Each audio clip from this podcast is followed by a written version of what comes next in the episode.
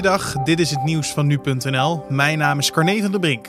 De orkaan Isaias heeft dinsdag minstens zes levens geëist in de Verenigde Staten. Inmiddels is de orkaan afgezwakt tot een tropische storm. Isaias kwam aan land in het zuiden van de Amerikaanse staat North Carolina en trok vervolgens langs de oostkust noordwaarts richting onder meer de staten New Jersey en New York.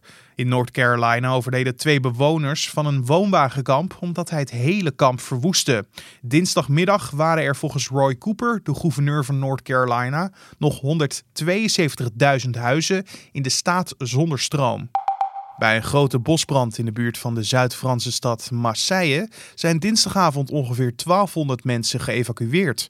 Onder de 1200 geëvacueerde mensen zijn veel toeristen die op veel verschillende campings verbleven. Het is niet bekend of er ook Nederlandse toeristen geëvacueerd zijn. De campinggasten zijn overgebracht naar stranden ten westen van Marseille. Ze zijn per boot en met bussen naar opvanglocaties gebracht, waar ze de nacht hebben doorgebracht. Voor zover bekend zijn er geen doden of gewonden. Meer dan 900 vrouwen en meisjes in Peru zijn sinds het begin van de coronapandemie vermist geraakt. Dat meldt een Peruaanse topfunctionaris die gespecialiseerd is in vrouwenrechten. De functionaris noemt de cijfers alarmerend en wil dat er een nationaal register voor vermiste personen wordt opgericht. Gevreesd wordt dat de vrouwen en meisjes het slachtoffer zijn geworden van sekshandel, huiselijk geweld of vrouwenmoord.